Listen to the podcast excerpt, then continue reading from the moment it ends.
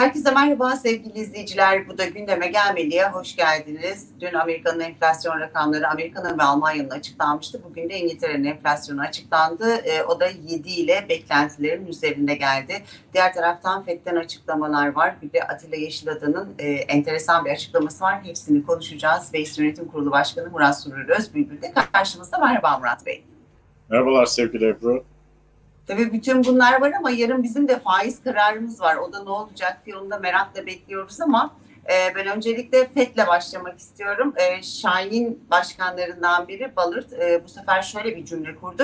Ilımlı faiz artışıyla enflasyonu düşürmek fantezi dedi. Katılır mısınız? Doğru dedi. Doğru evet. dedi. Yani şimdi e, ya ekonominin kuralları basit. Hatırlarsan e, dün e, Amerika'da enflasyonun ne geleceğini konuştuğumuzda ben e, 8,5 civarında demiştim. Evet. Niye? Oturduğum yerden atmıyorum, okuyorum. Amerika'da yazanı, çizeni, yapılan araştırmaları okuyorum. E, ve bunu bir ekonomi biliminin penceresinden gözlemlediğim zaman ne olabileceğini öngörebiliyorum. Şimdi e, bunu uzun süredir yapıyoruz Amerika'daki enflasyon tartışmayı. Belki seyircilerimiz kızıyordur ama şimdi bize ne Amerika'daki enflasyondan demek işte dolardan sana ne demek gibidir. Eğer Amerika'daki enflasyon doların değerini artı ve eksi yönde ilgilendiriyor. E, e, doların değeri bizi ne ilgilendiriyor? E, hemen hemen ürettiğimiz ve tükettiğimiz birçok şey dolara bağlı. Fiyatı dolara bağlı. Dolayısıyla doların değerindeki değişim bizi çok yakından ilgilendiriyor. Satın alma gücümüzü, ülkemizdeki enflasyonu çok yakından ilgilendiriyor. Onun için doların kaderinin ne olacağını tahmin etmeye çalışmak e, bizim için önemli. E, bunu da yatırımcılarımızla paylaştığımızda onlar da kendi pozisyonlarını ona göre alıyorlar.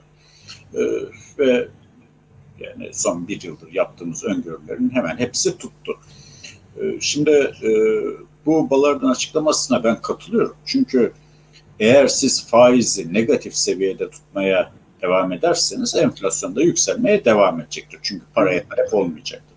Bir de parasal genişleme yapıyorsanız yani piyasaya para saçıyorsanız e, bu şey durmayacaktır. Durduramazsınız. E, enflasyonu durdurmak için e, ayağını yorganına göre uzatacaksın piyasaya para sürmeyi bırakacaksın ve parayı kıymetlendirecek faiz operasyonları yapacaksın. Bu kadar basit yani başka bir reçetesi yok. Evet. Ee, en azından orta vadede, kısa vadede başka bir reçetesi yok. Şimdi fakat bunun bir bedeli var. Bu bedeli ödemeye hükümetler razı gelecekler mi? Politikacılar razı gelecekler mi? Ee, yani genişlemeci dönemleri herkes çok sever. Özellikle iş adamları çok sever. Şimdi düşünebiliyor musunuz? Enflasyonun altında faizle kredi kullanıyorsunuz. Yani elin taşıyla elin kuşunu vuruyorsunuz.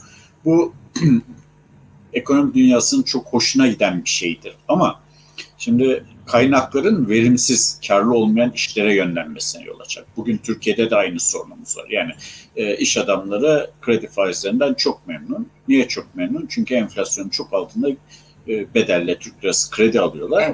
Yani almayanı dövüyorlar zaten. Yani al, git arsa al, git şey e, ham madde al, ne alırsan al, para kazanıyorsun neticede. O yüzden e, krediler böyle verimli, üretken işlere, seçici işlere yönelmiyor. Ekonomide verimsizlik artıyor ve neticede kendi içerisinde bir e, krizi tetikliyor. O yüzden enflasyon altında faiz vermek çok tehlikelidir. Önce tehlikeli olan enflasyon yaratmaktır. Sonra enflasyonun altında faize izin vermek e, bunu e, katmerlendirir. Yani e, çok evet. çok tehlikeli bir şeydir iktisadi açıdan. Evet. Peki Murat Bey, e, ılımlı faiz artışı diyorlar işte 50 bas puanlık bir artıştan bahsediliyordu. Ya acaba bu ılımlı faiz dediğimiz 50 bas puan da hani daha önden yüklemeli, daha yüksek bir faizden mi bahsediyoruz? Dün ben ne demiştim Ebru? Evet. 100 bas puan demiştim değil mi? Evet. Yani böyle şok bir faiz arttırımı yapmazlarsa yani şunu söylemeleri lazım. Şimdi enflasyon geçmişe yönelik bir ölçüm. Gelecekte ne olacağını tahmin edebiliyoruz. Sadece buradan gelen trende göre e, piyasadaki para bolluğuna, arz talep dengesine bağlı olarak sadece tahmin edebiliyoruz. Gelecekte fiyatların nasıl evet. olacağını. Ama faizler geleceğe yönelik. Şimdi ve geleceğe yönelik bir kesinlik var. Yani sen geleceğe yönelik dedin ki ben e, %10 faiz alacağım. Enflasyon yüzde on beş çıktı. O yüzde on faize razı olan yüzde beş zararda demektir. O yüzden e, bir kere enflasyon öngörüsünün çok güvenilir olması lazım. Hani şimdi bizde de diyorlar ya enflasyon endekste e, bono faiz falan. Burada bir kere enflasyonun doğru ölçülmesi lazım. İkincisi evet. e, faizin bunun üstünde olması lazım. E, yani kolay değil bu dengeyi tutturmak ve bunu yapmaya çalıştığın zaman e, bu paranın bol olduğu zamanlarda e, bol borç alıp verimsiz işlere yatıran firmaların ayakta kalmasını sağlamak kolay değil. Yani bu bir denge. Çok kaygan bir zemin. E, hele hele böyle bir savaş ortamında, savaşın yayılma ihtimalinin olduğu bir ortamda bu dengeyi kurabilmek büyük ustalık istiyor. Anlaşılan piyasalarda buna pek güvenmiyor. Altın ve petrol fiyatlarını takip ederseniz e, yani bu kadar şahin açıklamalara rağmen altın 1900'ün altına gitmedi. Zaten evet. enflasyonun yavaşlaması şu demektir aslında. Yani fiyatlar geri gelecek demek değildir. Fiyatlardaki Hı. artış yavaşlayacak demektir. Evet. Yani etin fiyatı bir senede %10 arttıysa enflasyon düşerse bir sene sonra yüzde 5 artacaktır. Daha düşerse bir sene sonra %3 artacaktır. Yani 100 liralık et 110 lira olacaktır. Sonra 113 lira olacaktır. Sonra işte e, 115,5 lira olacaktır şeklinde böyle evet. bir seri takip edecek. 70 liraya düşmesini de hiç kimse beklemiyor zaten artık herhalde. O, o, o bir facia olur. Evet. Ee, ona yani para eğer o şekilde değerlenirse bu sefer piyasadaki e, bütün iş düzeni bozulur. Yani düşün bugün almışsın 100 liradan eti depona koymuşsun. Et fiyatı düşmüş 70 liraya 30 lira zarardasın.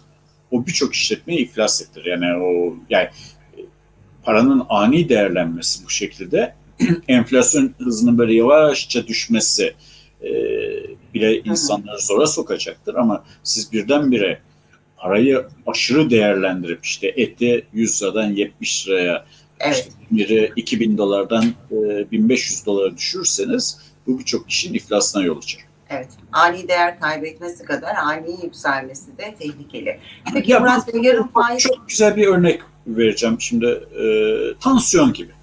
Yani Hı. tansiyon çok yükselirse damarların patlar ölürsün. Tansiyonun evet. çok düşerse kan akışın durur ölürsün veya şeker gibi. Yani ekonomide insan metabolizmasına benziyor. Şekerin yükselirse tehlikedir, şekerin düşerse tehlikedir. İkisi de ölümcüldür. Bunun için istikrarlı bir seviye yani e, böyle işte yüzde bir, yüzde iki gibi makul bir seviyede enflasyonun olması ekonomiler için iyidir. Ama bu böyle pik yaptığı zaman veya işte e, tam tersi bir hareket yaptığı zaman çok çok tehlikelidir. Evet peki. Yarın faiz kararı açıklanacak dedik. Faiz kararı öncesi belli ki dolardaki düşüş yine ciddi bir baskılama var.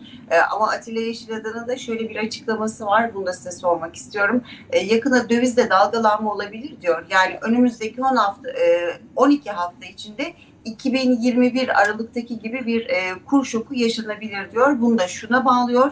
E, cari açığın e, finansmanı açısına işaret ediyor. Ne dersiniz katılır mısınız? Gerçekten cari açık böyle bir dönüş şokunu yaratabilir mi? Şimdi Atilla Yeşilada'ya kesinlikle katılırım. E, yapısal dönüşümler yapılmadan ki e, geçenlerde Mahve Hoca bu konuda çok güzel bir kitap yayınlamıştı. Bu kitap e, hı hı kampanyalarını herkese tavsiye ederim. Gerçekten ciddi yapısal dönüşümler yapılmadan bu finansman piyasalarında döviz, faiz işleriyle oyuncaklanarak hiçbir sorunu halledemezsiniz. Türkiye'nin cari açının artması, döviz ihtiyacının artması eninde sonunda bu baskıyı kıracaktır. Ama bu 4 haftada kırılır ama 14 haftada kırılır bilemiyoruz. Bu birçok parametreye bağlı. Şapkadan hangi tavşanların çıkacağına bağlı ama bir yer gelecek şapkada tavşan kalmayacak. İşte o zaman ne olacak? Bu 2021'dekinden daha sert de olabilir. Yani e, bakın bunu net olarak söylüyorum. Çok çok sert olabilir. İşin ucu moratoryuma kadar gidebilir. Yani çünkü döviz ihtiyacınız var. Yani herkes zannediyor ki efendim Türkiye'deki döviz ihtiyacı işte vatandaş koşuyor, döviz alıyor, döviz fiyatları o yüzden yükseliyor. Yok kardeşim sen bir kere borcunu ödemek için dövize ihtiyacın var ithalat yapabilmek için dövize ihtiyacım var. Çünkü ihracatın ithalatını karşılamıyor. Yani muazzam miktarda her ay dış e, ticaret açığı veriyorsun. Yani sen içerideki bu kur korumalı mevduatmış, oymuş, buymuş, arka kapı yöntemleriyle döviz satarak bu işi çeviremezsin. E, bir de şunu biliyoruz, Merkez Bankası'nın rezervleri bunca olaya rağmen ekside. Üstelik e, yanlış hatırlamıyorsam, hafızam beni yanıltmıyorsa e, kur korumalı mevduatta 900 milyar lirayı aşmış vaziyette. Bu e, çok tehlikeli bir artış. Yani Evet. 900 milyar lira demek bugünkü kurdan e, yenilenmiş olsa e, yani aşağı yukarı e, 50 60 milyar dolar civarında bir e, dolar hesabının, dolar endeksli hesabın kur farkı riskini üstlenmiş bulunuyorsun. Bunun bir kısmı da altın ve altının nasıl arttığını görüyoruz. Şimdi eğer bu 60 milyar dolarsa rakamları çok iyi açıklamadıkları için bilemiyoruz. 60 milyar dolarsa 1 liralık artış hazineye 60 milyar lira yük getiriyor. Evet. Yani kolay bir yük değil bu. E onu para basarak karşılayacaklar. Para bastığın zaman paranın değeri daha düşecek. Bunun enflasyon yaratmasını durduramazsın ama kurlara etkilemesini durdurmak için başka işler yapacaksın falan filan. Tam bir sarmal. Tam Evet. bir sarmal. Onun için Atilla Hoca haklı. Bu basınç bu basınç bir yerde boruyu patlatacak. Ama nerede patlatır onu tam olarak bilmek, kestirmek çok kolay değil. Evet peki. Çok teşekkür ediyorum hem size hem de izleyicilerimize ama başında da söyledim yarın faiz kararı açıklanacak. İzleyicilerimiz de bir yazarlarsa bakalım bu sefer e, faiz pas mı geçilecek yoksa bir faiz artışı mı düşüşü mü neyi bekliyorlar bizimle paylaşırlarsa seviniriz. O zaman yarın görüşmek üzere diyorum. Hoşçakalın. bakalım nas mı diyecekler, pas mı Evet, diyecekler. göreceğiz. görüşmek üzere.